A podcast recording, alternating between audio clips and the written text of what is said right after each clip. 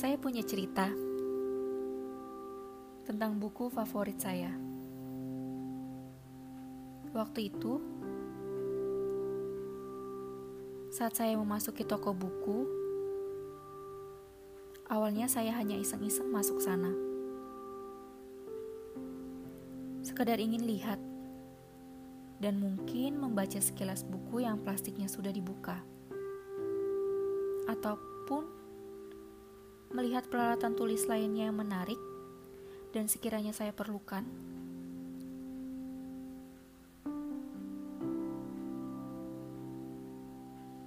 Tapi nyatanya, ada satu judul buku yang membuat saya berpikir untuk membacanya. Buku itu tidak ada di deretan bestseller. Namun, sepertinya masih ada beberapa orang yang pernah membelinya. Tidak ada salah satu contoh buku itu yang sudah dibuka. Semuanya masih terbungkus rapi. Hanya sisa beberapa buku dengan judul yang sama. saya hanya dapat membaca judul dan kesimpulannya yang ditulis pencipta buku itu. Dan ya, saya memutuskan untuk membelinya. Sesampainya di rumah, saya membuka buku itu.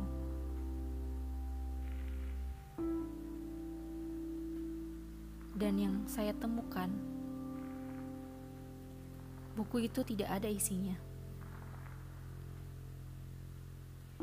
Daftar isi seperti buku-buku lainnya pun tidak ada. Tapi mengapa buku ini memberikan kesimpulan seakan-akan menarik untuk dibaca? Tidak ada pesan sedikit pun dari penciptanya. Tidak bisa mengembalikan juga buku yang sudah dibeli. saya memutuskan daripada buku itu terbengkalai dan menjadi sampah, maka saya gunakan saja untuk menulis cerita-cerita saya setiap harinya di buku itu. Apa pun yang saya lakukan, saya lihat, saya rasakan,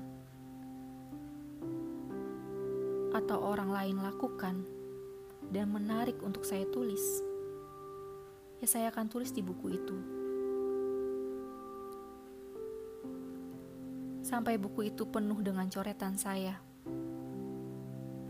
Sampai saya membaca ulang cerita-cerita saya. Selucu itu ternyata.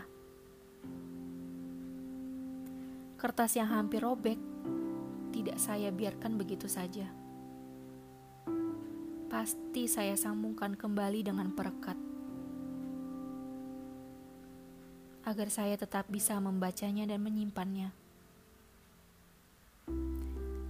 Atau mungkin orang lain ingin membacanya, silakan. Tidak ada tulisan yang perlu saya sembunyikan di buku itu.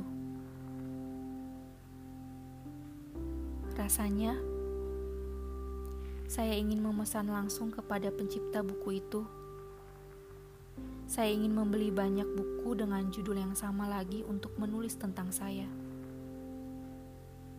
dan tidak ingin memakai buku-buku lainnya.